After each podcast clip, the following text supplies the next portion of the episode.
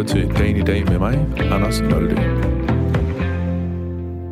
Ja, og velkommen til endnu en dag i øh, corona-lockdown, som er knap så nedlukket, kan man sige, men stadig så nedlukket, at vi sender fra vores nødstudie midt i Aarhus, øh, nu med øh, gæster lidt tættere på. Hidtil har vi jo været på hver sin side af baggården. Nu er vi trods alt i samme rum.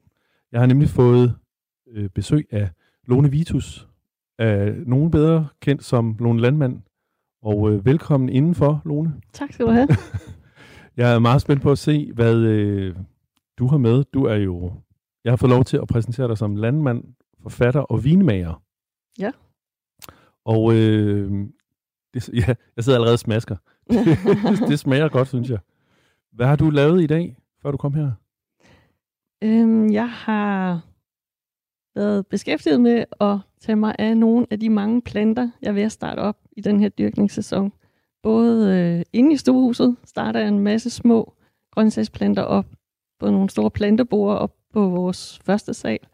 øh, alt muligt, der skal i køkkenhaven, kålplanter, salat og krydderurter, tomater, agurker, auberginer og chili osv. Så, videre. så de skal både plantes og passes indendørs nu her, og så øh, er nogle af dem på vej ud i drivhuset, så der går jeg også og planter dem ud og vander dem og omplanter dem efterfølgende. Altså, de er allerede ved at være ude i drivhuset nu? Ja, det er fordi, vi har et gammelt drivhus, som i år bliver til øh, grøntsager til høst, hvad skal man sige, tidlig grøntsager. Grøntsager ellers ville have i køkkenhaven. Ja. Og så har vi et meget stort projekt i gang med at bygge et nyt drivhus, så det bliver det er helt vildt luksus. Vi har to drivhus fremover, Ja.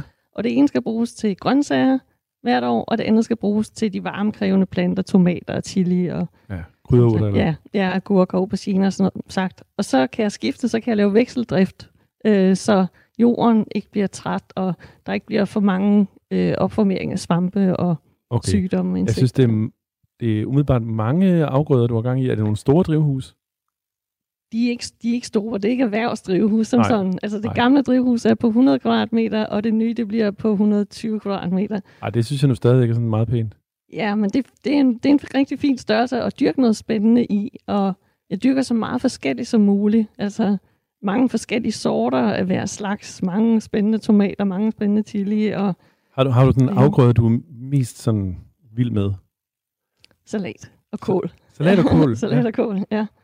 Så det, det er sådan noget, du har mange slagser af? Ja, mange slags og gamle sorter øhm, med, med meget smag og sorter, som man kan høste af hele året, så vi ikke har sådan en trist periode, hvor vi ingenting får at spise, der er grønt. Okay, hvad er det så for noget salat? Jamen, der er nogle, sådan nogle vintertyper, som egentlig er øh, forskellige kålplanter, men hvor man bare høster bladene. De er Mhm. rigtig fine at have hele sæsonen igennem. Hvad er det for nogen, for eksempel? Der er sådan en rød russisk kål, blandt andet. Øh, og så er der nogle vinterbroccoli, hvor man kan høste blomsterne øh, vinteren igennem, i hvert fald sådan som klimaet er blevet. Ja. Øhm, og altså, de sædvanlige grønkålstyper og palmekål og sådan noget, som også bare står i køkkenhaven vinteren igennem, som vi har lavet mad af. Er det sådan noget, man også laver øh, forædling af? Eller er de ligesom, som de er? Jeg håber faktisk, man vil lade være at forædle på dem, fordi okay. det, er, det er noget af det, der er et særkende ved de der gamle sorter, at, øh, at deres egenskaber, deres oprindelige egenskaber, er ikke forædlet væk. Så de er typisk mere bitre, og de har øh, en lang række af de stoffer, som er gået tabt i den moderne forædling, men som man ved har nogle øh, meget fine egenskaber i forhold til øh, det, vores kroppe har brug for Ja. ja, Sådan ernæringsmæssigt. i høj grad. Ja. Og det må der gå en del tid med det der. Der går rigtig meget tid med øh, planter. ja. Men altså, øh, du bor jo på en øh, gård nede ved Odder. Ja. Brandby Gård. Hvor I også har dyr. ja. Hvad er det for nogle dyr? Vi har rigtig mange forskellige, men ikke ret mange hver, fordi de går udenfor alle sammen. Så vi har, lige nu har vi en gris, og vi har et par kaniner, og 85 høns, og fire gæs, og 25 ender, og så er der nogle får geder, og øh, det er sådan, Altså, når man kun har én gris, er det så, er det så sådan næsten en kælegris? at det er, det er en kælegris, og den hedder smaskepot. Okay. Ja. Så den skal ikke spises? Nej, det, det synes jeg ikke, den skal. Nej. okay. Men øh, så må der også være nok at se til. Ja, der er masser, masser at se til udendørs. Og så er der jo også, selvom det er solskin og godt vejr, så er der også altid kontorarbejde og ting at tage sig af Ja. ja. indenfor. Fordi I har en gårdbutik, og så laver I noget restaurant. Ja, vi har faktisk ikke sådan en rigtig gårdbutik. Vi har bare noget, noget direkte staldørssalg Okay, af, okay. af lidt varer. Og så laver vi en sommerrestaurant i juli. Øh, for vi har et vinhus på gården, og laver forskellige typer af museerne, æblevin og druevin og forskellige slags cider. Vi har et lille bryggeri, brygger mange forskellige slags øl, og laver gin og andre typer af alkohol. Og så har vi et lille forlag også, og laver bøger. Ja. Hvor kommer det der med bøger fra? Det er fordi, vi skriver bøger, og så... ja, nå ja, oplagt. ja, ja, og så, øhm, så vil vi gerne have, hvad skal man sige, den fulde kontrol med at udgive dem også, at de ikke skulle, at de ikke skulle censureres eller tilrettes efter markedskræfterne eller et eller andet, at der skulle være en fri skaberproces i dem. Og det får man, når man bestemmer selv hele Ja. vejen igennem. Er det så bøger om landbrug og drivhus og sådan noget? Altså, vi har nogle fagbøger også, som handler om fødevaresystemet, måden fødevarene bliver til på, og så er der øh, forskellige opskriftsbøger og sådan noget. Men det, jeg allerbedst kan lide at skrive, det er romaner. Det er det, der er øh, mest interessant at fordybe sig i, synes jeg. Wow, ro- altså rigtige romaner. Rigtig romaner, ja. Simpelthen røverhistorier. Og, ja, røverhistorier, ren fiktion. Hvad handler de om? Jamen, jeg er lige blevet færdig med min tredje roman, der hedder Den sidste humanist, og det er en samtidsroman. Det er fiktion, og øh, den er så gået hen og blevet højaktuel de seneste måneder, og det var helt uforventeligt, dengang okay. Jeg skrev på den. Er der noget med, er der noget med pandemier? Ja, det er der faktisk. Er der det? Ja. Ja. Det må, er det, det må være en meget speciel øh, fornemmelse at skrive noget, som går i opfyldelse, han har sagt, som bliver virkeligt. ja, men nu, altså selve bogen er sådan set, beskæftiger sig ikke med en pandemi som, som handling. Det, det er bare skal man sige, en del af udviklingen i bogen, men derfor er det stadigvæk meget specielt. Og jeg, jeg tror faktisk ikke, jeg kunne skrive den nu, fordi en del af friheden ved at skrive sådan en bog, det er jo netop, at, at det er fantasi, og, og man øh, abstraherer fra virkeligheden og ser nogle andre veje i samfundet, nogle andre sammenhænge og sådan noget. Øh, og, og det her, det ligger alt for tæt på... På virkeligheden lige pludselig. ja, det gør det. Ja. Det er meget specielt. Men den er du lige færdig med, siger du? Jeg er lige færdig med den, så den udkommer i næste uge, og det er jeg meget, meget spændt på, hvordan det kommer til at gå, når der er andre, der skal læse den. Det er klart. Ja. Har du nogen, har du nogen sådan, hvad hedder sådan noget, sådan en, en baggrundsgruppe, du sender ud til, eller får nogen, du får feedback af, eller... Altså, der er, der er nogle testlæsere, der har været med ja. undervejs og følge Ja. ja. med i skriveprocessen, som jeg har lyttet rigtig meget til i forhold til, øh, hvordan de opfattede tingene, om de kunne forstå, hvad der skete og så Ja. Men, men nu her, når den skal ud og, og spredes blandt alle mulige læsere, øh, så, øh, så er det jo helt ude af ens hænder, hvordan Ja. det bliver opfattet. Fordi det er jo selvfølgelig den anden side af den der store frihed ved at være sin egen forlægger. At man så også skal være sin egen redaktør. I høj grad, Ja. ja. Det må være svært. Det er det også. Det er, det er øhm, faktisk rigtig svært at tage imod kritik, synes jeg, fordi det er så ømtåligt, når det er, er noget, man brænder for, og som, som man virkelig føler er, er vigtigt, og, Ja. ja. og skal formuleres på en eller anden bestemt måde og sådan noget. Og, og der, øh, der øver jeg mig hele tiden på Ja. ja. at høre, hvad andre siger. ja. ja, selvom du er direktøren, forlægsdirektør. Er det faktisk øh, Søren Sørøver derhjemme, der er forlægsdirektør? Okay. Så jeg er bare forfatter i forlaget. Okay, det er godt. Ja. Altid. Skriver Søren også bøger? Øh, Søren arbejder faktisk på en vegetarisk kogebog Okay. lige nu. Okay. Med en masse kål og salater. Det tror jeg, der bliver. Ja, det lyder oplagt i hvert fald. Ja. Problemet med at snakke om mad er jo altid, at man bliver sulten. men, men vi skal jo også snakke lidt om nyheder. Og vi har jo øh, til opdrag at lave en top 10 over de 10 mest tankevækkende nyheder, som du har valgt. Og hvad har du taget med til os på 10. pladsen? På 10. pladsen, der har vi en nyhed om, at øh, vismændene de foreslår en skattereform med, form med lavere elafgifter for at få gang i den grønne vækst i Danmark. Ja. Eller væksten i det hele taget, men med sigte på en grøn vækst. Ja. Og det er jo selvfølgelig, øh, der er jo mange, der har snakket om, at det er en oplagt chance, nu hvor landet er lukket ned, og vi har måttet gribe dybt i lommerne, at benytte chancen til at få godt gang i den der grønne omstilling, som vi jo lige inden coronakrisen kom jo vismandens rapport med de der, med de der anbefalinger, som skulle hjælpe os til at reducere vores CO2-udledning med 70 procent. Ikke? Ja, og Og, og det, der, hvad skal man sige, det, der kan være lidt problematisk i, i det her med de lavere elafgifter, det er, hvis ikke de bliver, øh, hvad skal man sige, hvis ikke de bliver målrettet, at det skal være grøn energi, grøn strøm, øh, der skal bruges, så, øh, så er det lidt stadigvæk en joker, om man bare fyrer op for kulkraftværkerne, eller man virkelig laver en omstilling.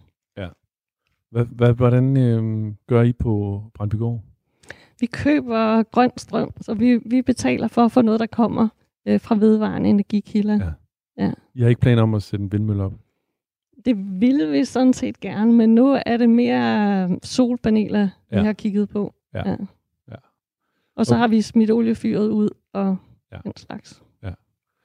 Men hvordan, de der store drivhus, er de, øh, er de opvarmet? Nej, det er Nej, de ikke. nej, De er, de er, ja, jeg er simpelthen nødt til at blive dygtig til at få mest muligt ud af sæsonerne, uden at der er et energiforbrug i dem. Så Ja. jeg, skal, jeg skal bare være en dygtig landmand i vinterhalvåret. Der bliver Ja. ikke noget med at fyre op for varmen. men hvordan, hvordan er du blevet landmand? Øhm, jeg har altid gerne ville være landmand, men jeg vidste ikke rigtig hvorfor. Jeg kommer fra et helt almindeligt hus i Nordsjælland, øh, og der var ikke nogen i min familie, der var landmænd, og der var ikke nogen, jeg kendte, der var landmand. Jeg tænkte bare, at jeg, jeg ville rigtig gerne være landmand. Og så droppede jeg det igen, fordi jeg som sagt ikke havde nogen relationer, og, og dengang kunne man, og det kan man sikkert heller ikke i dag, man kan ikke blive landmand, hvis ikke man kender nogen, der har en gård, eller Nej. kan overtage på favorable vilkår og sådan noget. Så det var faktisk først, da jeg havde læst til mejeriingeniør for at gøre et eller andet fornuftigt, at øh, jeg kom til at bo her i Jylland og øh, blev tilbudt at købe en gård lige pludselig. Og så læste jeg til agrarøkonom også for at få det grønne bevis. Og så blev jeg landmand.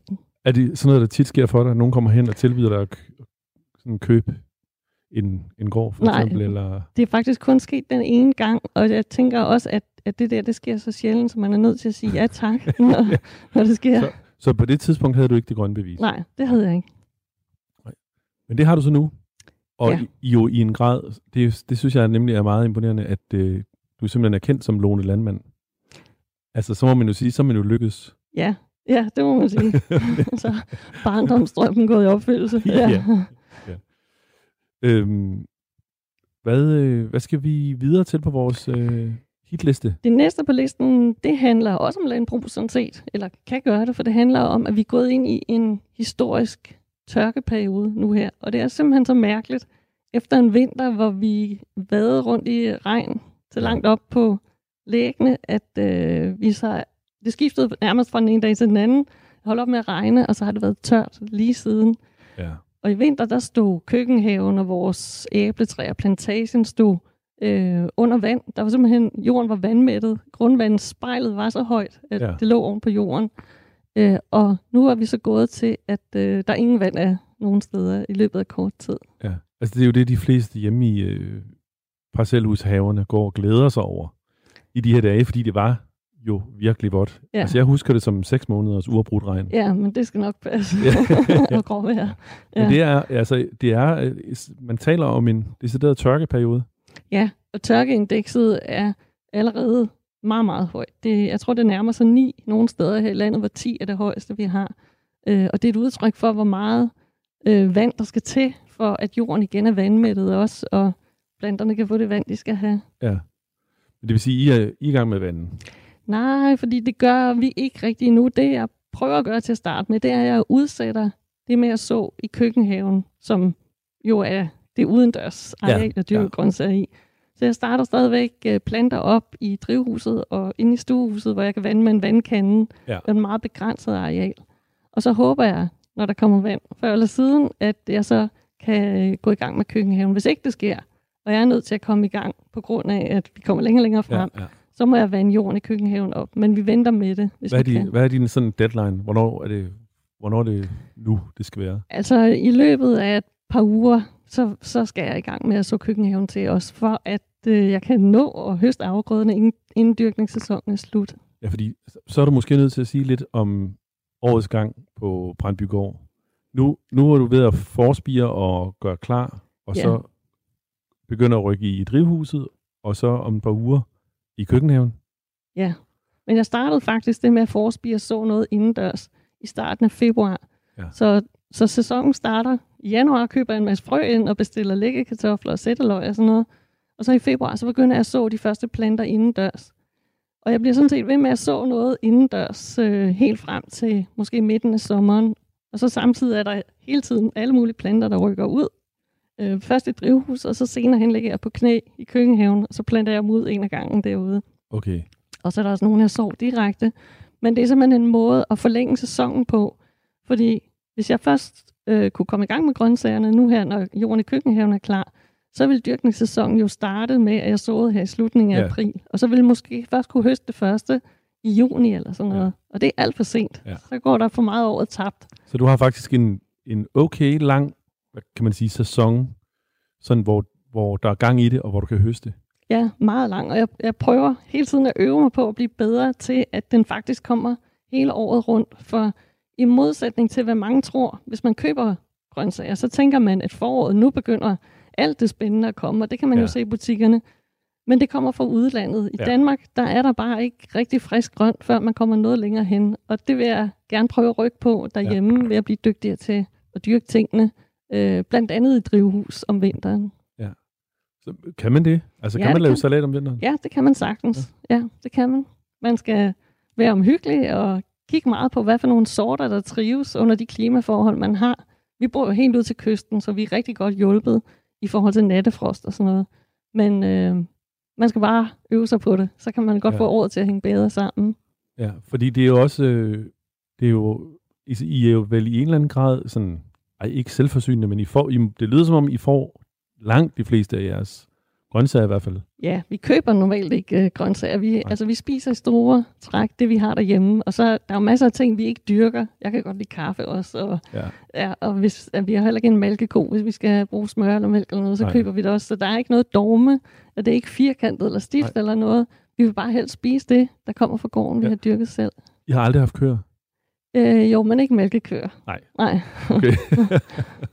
fordi det lyder ellers som et sådan, og det mener jeg meget positivt, men det lyder som meget gammeldags land, form for landbrug.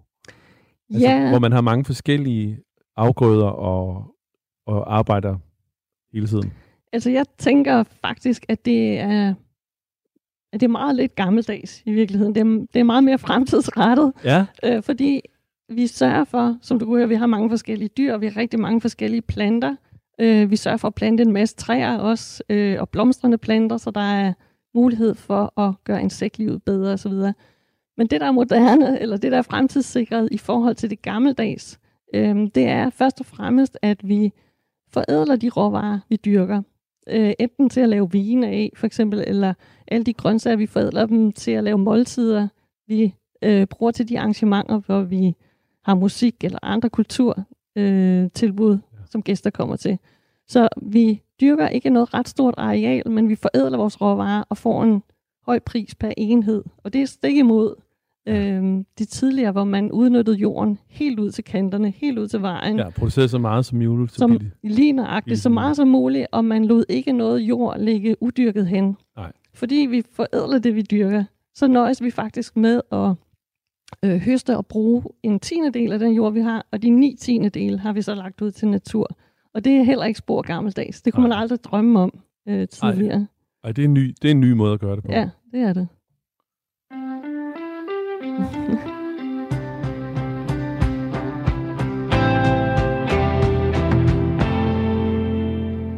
Ja, du lytter til Dagen i dag med mig, Anders Nolde, og jeg har besøg af Lone Landmand, og vi taler heldigvis, han har sagt, rigtig meget om øh, væksthuse og dyrkning. Landbrug, ja. Land, landbrug, og jeg siger heldigvis, fordi at der bliver talt rigtig meget om øh, forskellige former for sygdom for tiden. Men Lone, vi er i gang med vores top 10 liste over tankevækkende nyheder, og vi er nået til nummer 7. Ja. Og nummer Nej, eller, syv- undskyld, er det nummer 8? Nej, jeg tror, det er nummer... Ja, det er rigtigt, det er nummer 8. Ja, okay. Ja.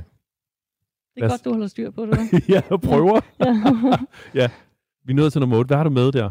Øh, der har jeg den nyhed med om, at øh, de erhvervsfaglige uddannelser øh, ikke kan komme ind og få deres afgangseksamen på uddannelsesinstitutionerne. Øh, og det er der en vis ærgelse over i forhold til, at gymnasieklasserne, altså afgangsklasserne for eksempel, og HF-klasserne, der skal, bliver færdige, at de godt kan komme ind og få undervisning og, og afgangseksamen. Ja, men man kan altså ikke rigtig komme, som det ser ud lige nu, er der blevet åbnet, tror jeg nok, for en lille mulighed for at gå til svendeprøve. Ja. Men udgangspunktet er, at man ikke kan, og man kan i hvert fald ikke være på skolen op til sin svendeprøve. Nej. Men jeg kan, altså det, det der er problematikken, det er, at der bliver gjort forskel på elever, og det kritikken går på, det er selvfølgelig, at, at de erhvervsfaglige uddannelser føler sig nedprioriteret i forhold til de mere Ja. boglige uddannelser. Øh, og som udgangspunkt, så er der jo ikke nogen uddannelser, der bør veje tungere end andre. For, for det enkelte menneske, der har valgt en uddannelse eller en livsvej, så er det jo det vigtigste for Ja. vedkommende. Ja. Så der burde ikke være forskel. Nej. Men man kan sige, i, hvis man skal øh, se på, hvad grunden kan være til det her, øh, så er vi lige nu i en, en svær periode, hvor der hele tiden skal åbnes en lille smule for, hvor meget Ja. social omgang vi må have. Og hvis man skal begrænse det her mest muligt, så kan argumentet i hvert fald være, at de erhvervsfaglige uddannelser, de afsluttes nu, og så skal eleverne ud og have et arbejde bagefter.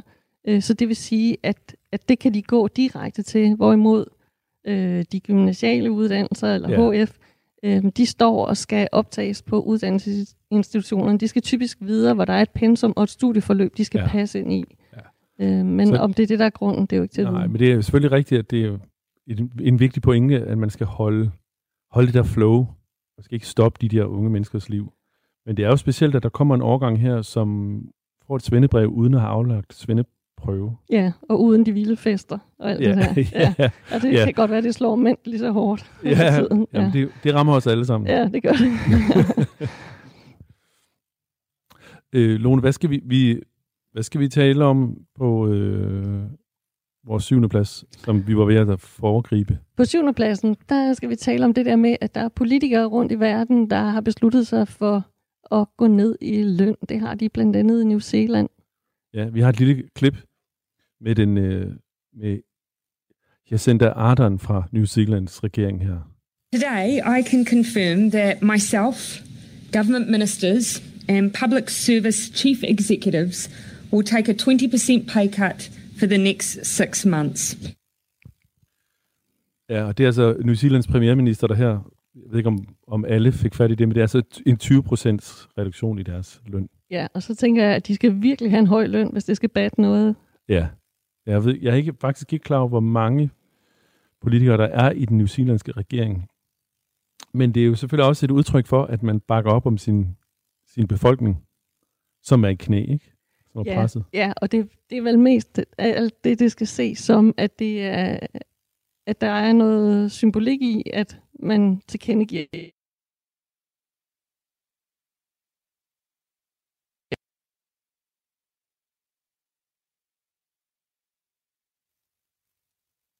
Det var mærkeligt. ja. Så ringe en telefon. Ja. ja. Og det leder os jo selvfølgelig frem til, at man kan forestille sig det samme her. Ja, og det, det er så næste punkt, vi har med her, om hvad de danske politikere de siger til det. Ja. Skal vi prøve at høre, hvad en af dem siger? Lad os høre det. Gruppeformand for Dansk Folkeparti. Skal de danske politikere også gå ned i løn i coronakrisen? Det synes jeg bestemt er noget, man kan overveje. Øh, Jeg synes, at øh, når New Zealand kan gøre det, så kan Danmark også gøre det. Og man skal jo bare lige huske på, at der er rigtig mange i vores samfund i øjeblikket, der har det svært, og som øh, må undvære øh, deres løn fuldstændig, eller dele af deres løn. Det gælder både medarbejdere, lønmodtagere og selvstændige. Så jeg synes bestemt, man skal overveje det, og det er jo så i givet fald noget, statsministeren og Folketinget skal stemme til. Ja, det var jo Peter Skorp fra Dansk Folkeparti, der, der var igennem på en knasende linje her i morges. øhm, man fristes jo til at sige, at det er, det er oplagt, at det er Dansk Folkeparti, der er med på ligesom at, at gribe den der. Ja, fordi langt hen ad vejen, så, så er det jo bare symbolsk det her. Så vidt jeg ved, så er øh, årslønnen for en folketingspolitiker jo ikke absurd høj i Danmark. Nej, Øh, Så der, der er jo ikke tale om, at det er mange penge, de kan give til beskyttelsesudstyr eller, eller noget Nej. andet fornuftigt. Så jeg, jeg har meget svært ved at se værdien i det andet, end at man bringer sig selv i gunstigt lys. men hvordan har du det i hele taget med det der, med den slags beslutninger, ligesom beslutningen om at lukke vores grænser for eksempel, den efter sine heller ikke haft så stor indflydelse på, ud, på spredningen af coronavirus, men har jo haft stor betydning i forhold til, at vi føler, at vores politikere gør noget. Ja, og jeg uanset at, at jeg faktisk øh, var temmelig træt af politikere inden det her, så har, jeg, så har jeg stor respekt for den måde, de har håndteret det her på. Jeg synes, at, øh, at det hele er ukendt. Det er ukendt ja. for alle, og Ja. jeg synes, at, at jeg føler mig tryg i, at der bliver taget nogle forholdsregler på så videnskabeligt grundlag, man kan, øh, uagtet ja. hvad det har økonomiske omkostninger for en gang skyld. Ja. Det synes jeg er betryggende. Så er du også glad for, at vi har nogle handlekraftige politikere. Ja, det er. Og det, altså, det her, det rammer, det rammer også Søren som min virksomhed øh, virkelig hårdt, for vi laver mange kulturarrangementer, vi samler ja. mange mennesker, og vi har salg af vores drikkevarer til restauranter osv. Så, øh, så, så det, øh, det er rigtig mange af vores aktiviteter, der bliver lukket lynhurtigt ned. Ja, Men jeg er stadigvæk øh, kun tilfreds med den måde, myndighederne har håndteret det på. ja. Det er godt at høre. For det var jo sandsynligvis noget tid, før I igen kan samle, en, samle folk. Ja, og så er det, at vi må spise kål og salat Ja, ja, og æg fra hønsene i mellemtiden. Der er I jo heldige, I trods alt har det. det er vi. Og vin til. ja, og- ja, så går det endda. Ja. Ja. Men I har ikke haft mulighed for at afsætte noget vin ud af staldøren. Altså, det, vi har faktisk lige fået en enkelt bestilling fra, øh, fra en person, som ikke har en restaurant, men det er helt usædvanligt. Ja. Normalt så er det øh, forskellige Michelin-restauranter, blandt andet, vi sælger til. Okay. Fordi de siger jo, at øh, vi drikker noget mere, end vi plejer. Ja, ja og det, vi kan ikke rigtig mærke det endnu. Nej. Nej. Nej. Kunne I godt tænke jer at få nogle flere kunder den vej? Ja, det kunne vi godt, og vi prøver, vi prøver også hele tiden at, at tilpasse vores virksomhed til de forhold, der er nu her. Så vi har, vi har blandt andet lavet en lille vejebod på gården, hvor vi både sætter grøntsager ud i, og æg og ciderflasker, og også øl, når vi lige får flasket øllet op, og nogle af vores bøger og sådan noget. Og øh, altså, andet kan man jo ikke, end Nej. hele tiden prøve at tilpasse sig. Nej. Så må man- vi se. Ja, men det er jo meget interessant, tænker jeg, at I har en virksomhed, hvor I er altså så meget hands-on med det hele. Altså, der er jo, det er jo en meget anden virkelighed, end den, man har, hvis man går på arbejde på et kontor og producerer et eller andet, som man håber giver mening Ja, i den anden ende. ja. Det er meget håndgribeligt. ja, ja, ja. Er det en, er det en øh, hvad kan man sige, er det en trøst i sådan en tid her? Det, er- altså, det er i høj grad en trøst i det hele taget at kunne gå udenfor i solen og kunne lave noget, som er meningsfyldt. Og det er meningsfyldt at gå rundt og give dyrene vand og øh, passe jorden og så nye planter og sådan noget. Og Så, og, og det gør noget rigtig godt for ens hjerne, for jeg synes, det er voldsomt belastende, når jeg sidder inde og læser alle nyhedssiderne. Det gør jeg flere gange om dagen og prøver at følge med i, hvad der sker. Ja. Øh, så, så kan jeg simpelthen mærke, at øh, det er meget bedre for mig at være ude og passe dyr og planter. Og selvom vi så har tørkeperiode, så må man sige, at det her flotte vejr er jo i hvert fald godt for humøret, tror jeg. Det er det i høj grad. de fleste. Ja, og det er rigtig godt for alle de forårsprojekter, vi har. Altså alle de ting, der skal sættes i gang om foråret, er også meget nemmere, Ja. når det ikke bare står nede i stænger. Men der skal komme noget vand i løbet af de næste to uger. Det vil, være, det vil også være fint, men, men sådan er det bare, når man er landmand. Man, altså man er afhængig af vejret, men man skal bare ikke uh, gå hele tiden og brokke sig over det og Nej, ønske sig noget andet, for det er bare noget af det, man ikke kan gøre noget ved. Ikke? jo. Nogle, det går godt altså, med at snakke, men det går ikke helt så godt med os, med vores øh, top 10. Nej, nej. Men øh, vi er nået til historie nummer 5. Den handler om rygepolitik i Aarhus, hvor Aarhus Kommune har fundet ud af, at øh, de vil forbyde, at man står og ryger busstopsteder uden for biblioteker og den slags. Ja. Ryger du? Nej, Det har du aldrig gjort? det har jeg aldrig gjort. Nej. Jeg har aldrig prøvet. Det har jeg heller ikke, men, men jeg, har, jeg er en af dem, som synes, det er hyggeligt, når folk ryger. okay. og jeg, jeg er jo, øhm, det er heller ikke nogen hemmelighed, at jeg er jo jeg er musiker, når jeg ikke laver radio. Og jeg synes, det var meget mærkeligt, da der kom rygeforbud på spillestederne. Ja. Øh, især fordi faktisk, at man begynder at kunne lugte publikum. men, øh, men vi har også vendet os til at gå i bad, når vi kom hjem, og det var også den gang, man havde langt, flot hår, som altid skulle vaskes, når man havde udspillet. ja. Men hvordan har du det med det der? Det, nu, er det, nu må man sige, hvis man ikke må ryge ved et busstopsted, så er det jo ved at være... Hvor må man så ryge? Jeg tænker, så må man ryge derhjemme, Ja. hvis, hvis det er det, man vil. For det, der generer man trods alt ikke andre mennesker. Der står andre mennesker i et busstopsted. Og Ja. øhm, der, kan være, der kan være nogen, som har luftvejsproblemer, eller der kan være nogen, som bare føler sig generet af det. Der kan være børn, som synes, det ser smart ud. Unge mennesker, som tænker, at der står en eller anden flot fyr eller en, en dame og sender nogle signaler om, at det der, det er fikst at gøre. Og det er det ikke. Det ved, vi ved det alle sammen godt. Nej. Man bliver syg af at ryge, og man ødelægger sin, krop ved det, og man risikerer en, en lang række kroniske sygdomme også. Så, så du, jeg, det, er ikke, det er ikke kun en privat sag, om man du, har ikke, du har ikke meget til overs for rygning. Nej, fordi alle, alle ved, at det er skadeligt. alle ved det. Der er ikke, altså, det, er ikke, det er ikke noget, der er til diskussion længere. Men og det er klimaforandringerne heller ikke i øvrigt. Nej. Nej, Apropos en kendt ryger. lige præcis. Men øh, vi har et, et sjovt, synes jeg, øh, lille klip. Sådan en af de der, det der hedder en vox pop. Altså, man har været ude og tale med folk på gaden om det her rygeforbud, og det synes jeg lige, vi skal høre. Gruppeformand for Dansk øh, Folkeparti. Var det ikke nej? jeg ved ikke, om Peter Skorp ryger. Man kan ikke Hvad tænker du om den her, ja, det her forbud? Det er gået lidt for... Nu, nu stopper det snart, synes jeg. Vi lever altså i en fri verden, så øh, altså, hvis jeg ikke må ryge her så tæt på et busstopsted, som jeg er nu, så ved jeg snart ikke, hvor vi er henne. Nej. En fri verden. Altså, der er jo noget med de der... Vi mærker det jo rigtig meget i den her coronatid, hvor der, vi virkelig er indskrænket i vores øh, bevægelsesfrihed. I høj grad. Ja.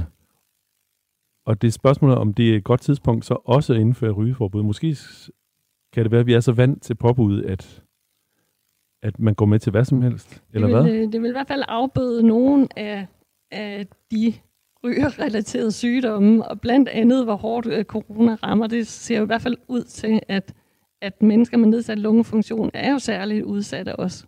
Så det er slet ikke nogen dum idé. Nej. Du får ikke selv sådan klaustrofobi af påbud og forbud og regler. I et eller andet omfang gør jeg, fordi øh, på et landbrug er der virkelig mange regler, og der er virkelig mange kontrolsystemer, også fordi at vi har øh, vi har både fødevarevirksomheder, vi har staldørssalg af, af æg, og vi har husdyrhold. Øh, så der er meget øh, indberetningsarbejde. Jeg bruger rigtig lang tid på at registrere og kontrollere og sende ting ind, og der kommer også kontrol udefra. Så, så det er ikke fremmed for mig, og jeg synes ikke om det, men jeg synes, at det er en vigtig del af et velfungerende samfund, at man kan øh, stole på, at der er nogle regler, som vi i fællesskab overholder. Og det kan man kun, hvis man indgår i et kontrolsystem. Ja. Jeg synes ikke om begrænsninger på den personlige frihed eller ytringsfriheden osv. osv. Nej. Men det er noget andet. Det her det handler om, at øh, det handler også om vores omgang med hinanden. Øh, og der synes jeg, at, at der skal være nogle regler. Der er jo nok nogen, der vil sige, at det er den pers- at, at rygning, det er altså lige før, at det er ytringsfrihed spørgsmål. Så, Ja. så, så Altså- tænker jeg, at øh, at så skal de læse på det. Ja, så skal de læse på det. Ja, Ja, ja, der er kæmpe forskel. ja. Men øh, det der med ens, altså hvad, der, hvad man må og ikke må selv, altså hvor den der grænse for, øh, hvad der er det, det fælles, og mm. hvad der er Mhm. det private, den er vel altid flydende. Ja, den er, den er altid flydende, men, øh, men det, hænger, det hænger sammen det hele. Man kan, ikke, øh, man kan ikke skille tingene ad, og der er nogle grundlæggende menneskerettigheder, øh, som jeg synes er meget, meget vigtige at passe på. Det, det vi oplever nu med øh, stor indgriben i, hvad vi må og ikke må, det er jo en eller anden form for nødretstilstand, og det er nødlovgivning også. Det er ikke et, et varigt samfund, der skal se sådan her ud. Så jeg tænker også, at man er nødt til at holde sig for øje, i hvilket sammenhæng det er. Og når jeg for eksempel producerer fødevarer, som andre mennesker øh, betror mig at lave til dem, og som de spiser, øh, så skal jeg selvfølgelig også følge de regler, der gælder, og så skal jeg også kontrolleres, øh, så der er en tillid til, at det er økologiske varer, øh, vi dyrker for eksempel. Ja. Og det er vel også det, vi, vi, de fleste af os tænker, når vi står i supermarkedet og skal vælge mellem kartofler fra Ægypten og kartofler fra Danmark eller Holland. Eller der er nok mange, der, der tænker, okay, de danske, også de konventionelt producerede varer i Danmark er trods alt stadigvæk under opsyn, eller hvad kan man sige.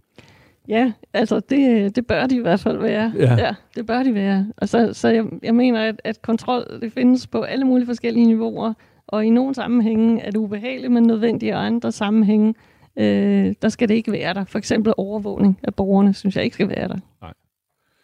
Og det er så en helt anden snak, fordi øh, det er jo, det kan man jo diskutere, om ikke vi selv ligesom er begyndt at deltage i.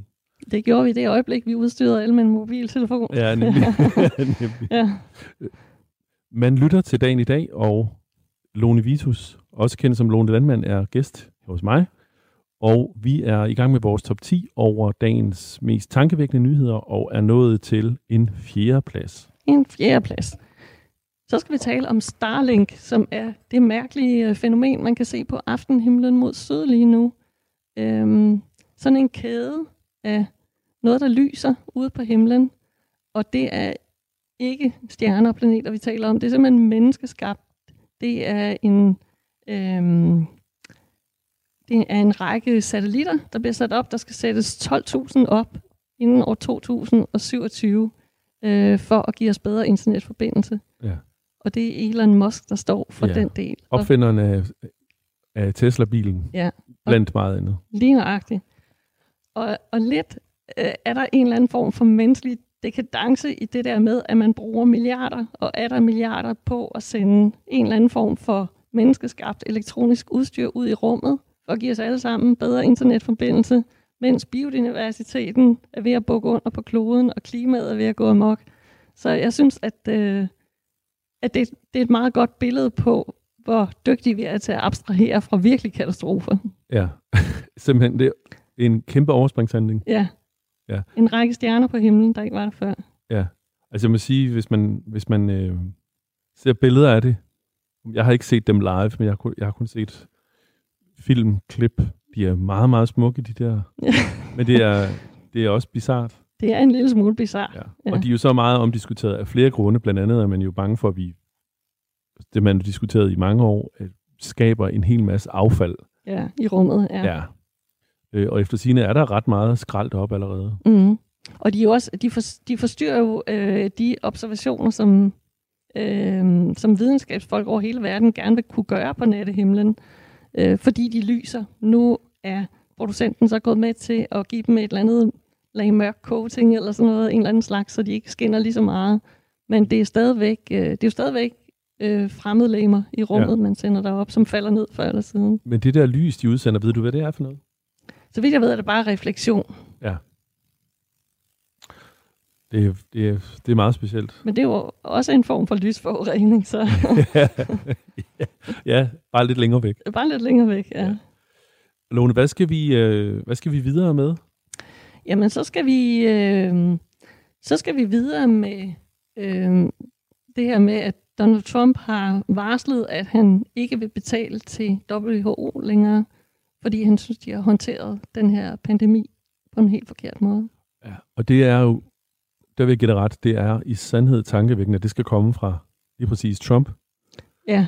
Der jo om nogen ikke rigtig har taget det alvorligt. Ja. Han, men han er hurtig til at skifte mening også. Øh, ja. og, og i den her forbindelse, så er der faktisk rigtig mange, jeg, jeg er fuldstændig klar over, at jeg er ikke ekspert på, på det her område. Vi sidder også bare og taler om nyheder, som vi ikke har nogen faglig baggrund for at vurdere nødvendigvis, men, og, og heller ikke det her. Men når man læser, øh, hvad kommentatorer, som har forstand på emnet, siger, øh, så har han delvist ret i nogle af sine kritikpunkter. Ja. ja. Men det ændrer ikke ved, at jeg synes, det er problematisk, at man trækker sig ud af internationale samarbejder netop i en tid, hvor vi har så stort et behov for øh, menneskelig sammenhold på tværs af alle ja. lande.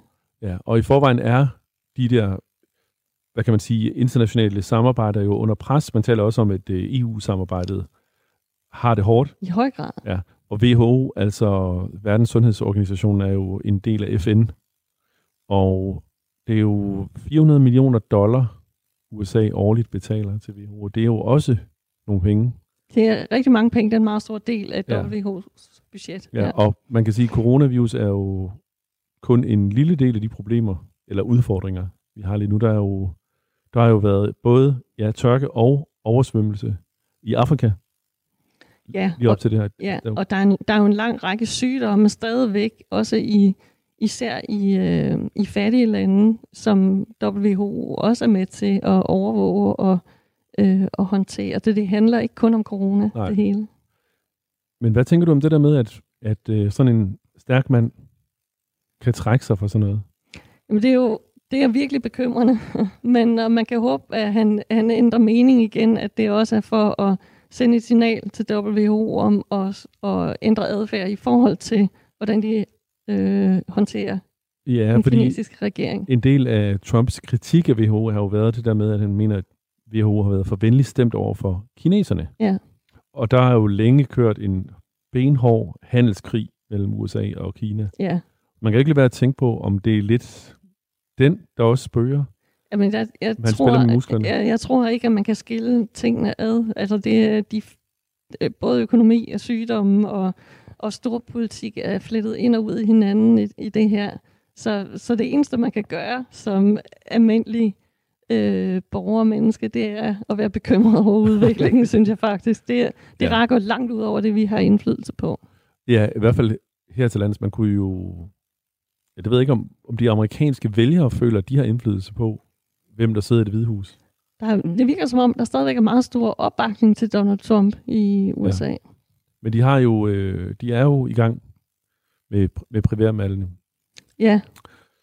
Og ingen, ingen ved, hvordan det ender. Nej, ingen ved, hvordan det Nej. ender. men Vi ved dog sandsynligvis, at Joe Biden bliver demokraternes øh, kandidat. Ja. ja. ja.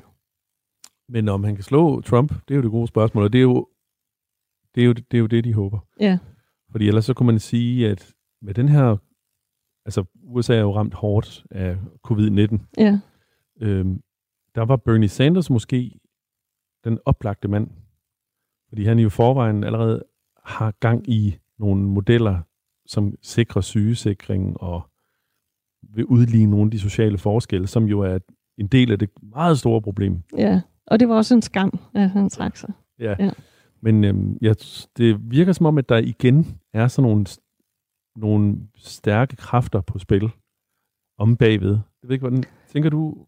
Jamen, det, det her, det, det er faktisk øh, en del af, af det, øh, den sidste humanist, min roman handler om. Det er den udvikling, verden øh, øh, er inde i, hvor, hvor populisme vinder mere og mere frem, og, og hvad det er for nogle stærke kræfter, der trækker mennesker, hvad, hvad det er, der, øh, der, der påvirker dem til at, at gå i en retning, som egentlig er selvdestruktiv, både for, for øh, det enkelte menneske, men jo også for hele menneskeheden. Og det, det er meget større ting, end man kan, øh, kan dele det op i, i amerikanske præsidentvalg og, og øh, Verdenssundhedsorganisationen og udbredelse af pandemi og sådan noget. Det er en, det er en helt øh, det er en helt ændring af mentalitet og tankegang, der bringer os længere og længere væk fra noget, der egentlig er ret overlevelsesegnet. Ja. Hvordan ender det i bogen? Så, ej, det, er, Jeg synes, det ender godt. det ender godt, ja. Ja. Godt. Endnu en grund til at læse den. Ja. Jeg. Vi har jo brug for Jamen, gode nyheder. Ja, det er ikke en, det er ikke en negativ bog, Nej. vil jeg lige mig at sige. Nej. En tankevækkende bog. Det lyder sådan, og øhm, det passer perfekt, at, at du, har skrevet, du har skrevet en tankevækkende bog, der kommer om en uge, når vi sidder her og taler om tankevækkende historier. Ja. Hvad er den, hvad er den næste historie? Jamen, den næste, den er opmuntrende, for det synes jeg i den grad, vi har brug for opmuntrende historier i den her periode. Og den handler om, at øh, det ser rigtig godt ud for havskildpadderne. Ja. Ja, der er, jeg tror, der er syv forskellige arter af havskildpadder, og de er alle sammen truet øh, hovedsageligt af menneskelig adfærd. Men i og med, at vi har lagt så store restriktioner på os selv den seneste tid, og det er lige nu havskildpadderne, de kravler på land og lægger æg og øh, formerer sig, så har de historisk gode vilkår. Der er heller ikke så meget skibstrafik. En del af det, der slår havskildpadder ihjel, det er også, at de bliver påsejlet simpelthen. Øh, så udover at vi har forladt badestrandene, så holder vi også op med at øh, sejle så mange havskildpadder ned, og vi smider mindre plastik i vandet. Det er også en af de ting, der tager livet af dem. Så det her, det tegner til at blive havskildpaddernes år. Det synes jeg, man skal glæde sig over. Det er en virkelig, virkelig god, tankevækkende nyhed. Ja. Har du noget særligt forhold til havskildpadder? Nej. Nej. Ikke andet end min anden roman startede med noget med havskildpadder. Rigtigt? ja. er du, er du, hvad, med, hvad med den næste roman? Har du Det- tænkt på den? Ja, jeg har tænkt på den, og jeg, jeg kan simpelthen ikke skrive noget nu. Jeg, jeg, jeg er corona-krise ramt øh, I hovedet? I, i kreativiteten. Jeg, jeg Ja. kan mærke, at jeg kan passe gården, jeg kan passe jord og planter og dyr, men jeg kan ikke sætte mig ned og, Nej. og skrive noget, der, der digter eller er fantasifuldt. Nej, Inspirationen er simpelthen... Den er på katastrofeberedskab. Ja. Ja. Det tror jeg, der er mange, der kender. Ja, jeg kender ikke så mange, jeg har snakket med dig om, men jeg, jeg synes, det er bekymrende, at det, er, at det er sådan, det virker. Jeg kender mange, der er ramt af det der. Ja. Øh, musikere, sangskrivere, som øh, jo nu har en enestående mulighed for at gå og lave noget. Fordi vi ikke må, vi må ikke øh, tage ud og spille. Nej, Der er ikke nogen sted at spille. Men der er se. ikke ro i hovedet til det, vel? Nej, det er det. Ja, Jeg, jeg tror, der, der er mange, der har det sådan. ja. Jeg synes også, jeg oplever, at mine børn har sådan nogle dage, hvor de er irritable og sådan. Det er svært at finde ud af, hvor det kommer fra, men det er måske det samme. Altså en, Ja. en form for, for stress. grund, grundlæggende uro, simpelthen over, at, Ja. at verden ikke er forudsigelig. Ja, Ja. ja. ja og, og så det der endeløse, som jo er et, lige nu er et grundvilkår. Ikke? Vi ved ikke, hvornår Nej. vi igen. Der var snak om, at Serum Instituttet har snakket om, at man muligvis kan have en, en vaccine mod covid-19 klar om et års tid. Så indtil da skal vi indstille os på ikke at give hånd og give krammer og sådan noget. Mm. Og have en snæver social omgangskreds også. Ja, og det er ja. meget, meget svært. Det er et spørgsmål, om vi overhovedet kan det. Vi er jo sociale dyr. Ja.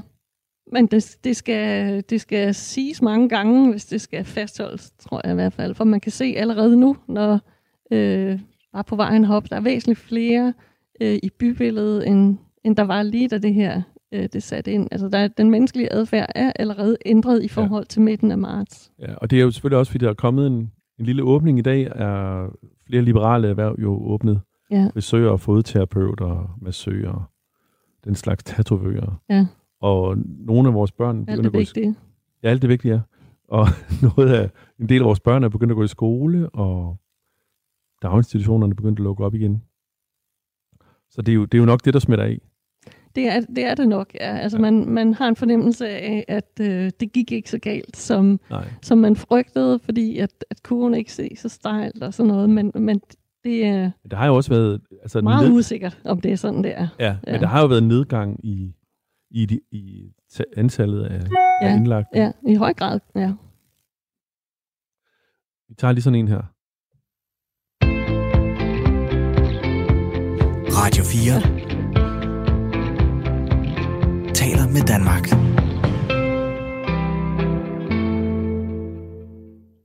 Og som altid her om mandagen taler, er det mig, Anders Nolte, der taler med folk, der laver interessante ting. Det kan jeg godt sige over en bred kamp, så har jeg været meget privilegeret med mine gæster.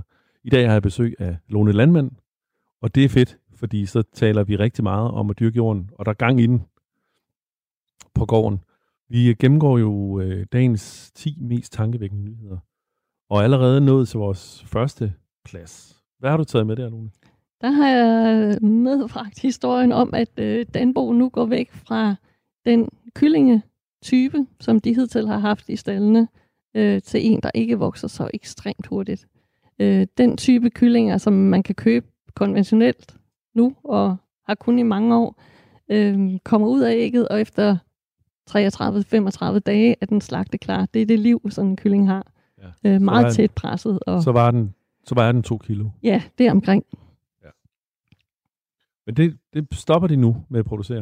Ja, nu øh, er det, jeg, jeg tror ikke, at man stopper med industriel kyllingproduktion, desværre. Det er ikke det, er ikke det vi er ude i, men man, Danpo Men- stopper produktionen af. at, at den type kylling, altså Ja. man finder, eller udvikler, kan man sige, for det er sådan, man gør, når det er landbrug, man udvikler en anden kyllingerace, som ikke vokser lige så ekstremt hurtigt. Så du er altså ikke super optimistisk i forhold til at få de der burhøns, eller hvad kan man kalde dem, mishandlede fugle. Altså det er. Først, når man putter en kylling i ovnen, den virkelig får plads og frisk luft. Det er der jo ikke i de stalle, de går i. Og selvom en kylling så skal vokse øh, en uge eller to mere, eller hvad, hvad der så ligger i den nye genetik, øh, hvis, det, hvis det virkelig skal være bedre dyrevelfærd, så skal der være mere plads imellem dem, og de skal have sol og dagslys, de skal ikke have kunstigt lys, og de skal ikke gå inde i lukkede haller på deres egen gødning øh, Nej. hele livet igennem. Der er så mange ting i det der, der skal være anderledes. Jeg får en klar fornemmelse af, at øh, jeres høns har et andet liv. Ja, vores høns, de går ud i æbleplantagen. Ja. Ja. Hvordan er, kan du ikke lige prøve at beskrive det der sted, I har dernede ved Odder? Men det er jo en gammel firlænget gård. øh, og den er, øh, hvad skal man sige, den er meget alsidig i produ- produktionen. Der er jo som sagt både grøntsager og urter. Der er en lille vinmark med 1000 vinstokke med røde druer. Så er der en æbleplantage med otte forskellige æblesorter, og en masse gamle æbletræer i haven i alle mulige sorter. Så er vores have øh, fyldt med store træer af spændende slags, der blomstrer på forskellige tidspunkter, så der er noget at komme efter forbi, og insekter både om natten og om dagen. Øhm, så har vi drivhusene, og vi har dyrene ude på jorden. Der er nogle af dyrene, der skal ind om natten. Det skal gæs og ænder og høns og kaniner. Så dem lukker jeg ud om morgenen, og så er de ude hele dagen, og så kommer de ind om natten. Ellers kommer der en rev og snupper dem. Og de andre dyr, de går ude på jorden hele tiden. De har deres små huse rundt omkring i deres, deres forskellige folde. Og så bærer jeg mad og vand ud til dem, i stedet for at vi har dem inde i en stald, hvor man kunne slutte det hele til automatisk. Ja. Hvorfor har I ikke noget automatik? Vi har jo mig. Ja. Og du gør det jo så godt. ja. Jamen, altså, det, øh, jeg, jeg bryder mig egentlig ikke ret meget om automatik i det hele taget. Men, men den der nærhed, der er med dyrene, den er der jo kun, fordi man står med sin vandkande og hælder vand op i skålen og kan se, at de har det godt, og de trives. Lige så snart der er automatik, så er der også en afstand, så behøver man ikke komme i nærheden af sine dyr på samme måde. Nej. Tror du, det er, er det noget af det, der har der ligesom er gået, gået galt, hvis man skal tale om industriproduktion af fødevarer? Og... Ja, det tror jeg. Jeg tror i høj grad, at det er den distancering til dyrene, og et, et er, at forbrugerne har fået den, fordi de kommer af gode grunde ikke i stallene øh, på alle tidspunkter, så de ser ikke, hvordan dyrene har det. Men man kan godt øh, også undre sig over, at landmændene har vendet sig til at have dyr på en måde, hvor der for eksempel er et højt antibiotikaforbrug, og de går meget tæt, dyrene, øh, og, og de tydeligvis mangler øh, et mere anstændigt livsgrundlag. Ja. Men altså, de fleste konventionelle landmænd vil jo sige, at det er et spørgsmål om at tjene nogle penge. Ja, og, og konkurrencen vil... er så hård. Ja, ja, og jeg vil lige skynde mig at sige, at jeg selv har været konventionel landmand. Jeg har selv haft en svineproduktion og dyrket øh, konventionel hvide, så det er ikke, fordi jeg ikke ved, hvad det handler Nej. om. Nej. Og konkurrencen er benhård, og hvis man skal betale sine regninger til tiden, og det skal man, hvis man skal blive på sin gård, så bliver man låst lidt fast i sådan et system af, at man bliver ved og ved at gøre det, der virker, og det, der er effektivt. Øh, det er rigtig dyrt at tage en beslutning og øh, gå en anden vej. Det koster simpelthen noget. Ja. Hvordan, hvordan lavede du den der omlægning? Var det sådan en beslutning, eller var det noget, der skete sådan glidende? Eller? Altså det skete, det skete over lang tid, fordi det som sagt er omkostningstungt at tage sådan en beslutning. Men det skete simpelthen, fordi som sagt, så kommer jeg slet ikke fra øh, landbrug og har ingen erfaring med det, så jeg blev lært op og tog uddannelser i det konventionelle system og, og lært, hvordan man har øh, dyr og planter i det system. Men med tiden, da jeg lærte dyrene bedre at kende, øh, så blev jeg simpelthen klogere, også i forhold til plantavlen, at det forekom mig at være bizart, at jeg skulle købe dunke med gift hjem, for at kunne dyrke mad til dyr og mennesker. Og jeg kunne se, at jeg, uanset hvor glad jeg var for at passe dyrene, så kunne jeg ikke opfylde deres øh, adfærdsmæssige behov. Så, så den korte forklaring er, at jeg blev klogere, men det tog rigtig lang ja. tid at lave den forandring til det, men, vi har nu. At dengang du havde konventionelle grise, havde de da også navne? Nej, det havde de ikke. Og det er lige nøjagtigt noget af det, der går tabt, når man har mange dyr, at så begynder man at opfatte dem øh, som, hvad skal man sige, ikke som enkeltstående individer, men som en del af en, en masse, eller ja. et, en del af et stisystem, ja, for eksempel. produktionsnummer. Ja, altså det betød ikke, at jeg ikke dagligt kiggede på hver enkelt dyr, men de havde ikke navne, nej. nej. Men det har de nu? Det har de nu. Altså nu hedder den jo Smaskpus. Eller Smaskepot. Smaskepot. Ja. Din gris. Ja, ja. Det er jo meget symbolisk faktisk, at du har én gris tilbage. Ja, det er så det. har et så flot navn. Ja, det er det. Ja. Men øhm, Lone, tiden er gået fra os. Eller vi fik Eller med os. den. Eller Ja. med os, ja. Vi Ja. Fik, jeg har, kender en gammel musiker, der siger, at øh, det er ikke tiden, der bevæger sig. Det er os, der går igennem tiden. Jeg vil gerne sige mange tak, fordi du gik igennem den her time sammen med mig og havde taget tanker med. Tak fordi jeg måtte få lov at komme. det er jeg glad for. Det var en fornøjelse. Jeg glæder mig til at komme ned på gården, når, vi igen må komme ud. Programmet her er produceret af Paseo fra Radio 4, og er tilbage næste mandag som altid live fra et eller andet sted i Danmark, hvor vi taler med spændende mennesker. Nu er der nyheder.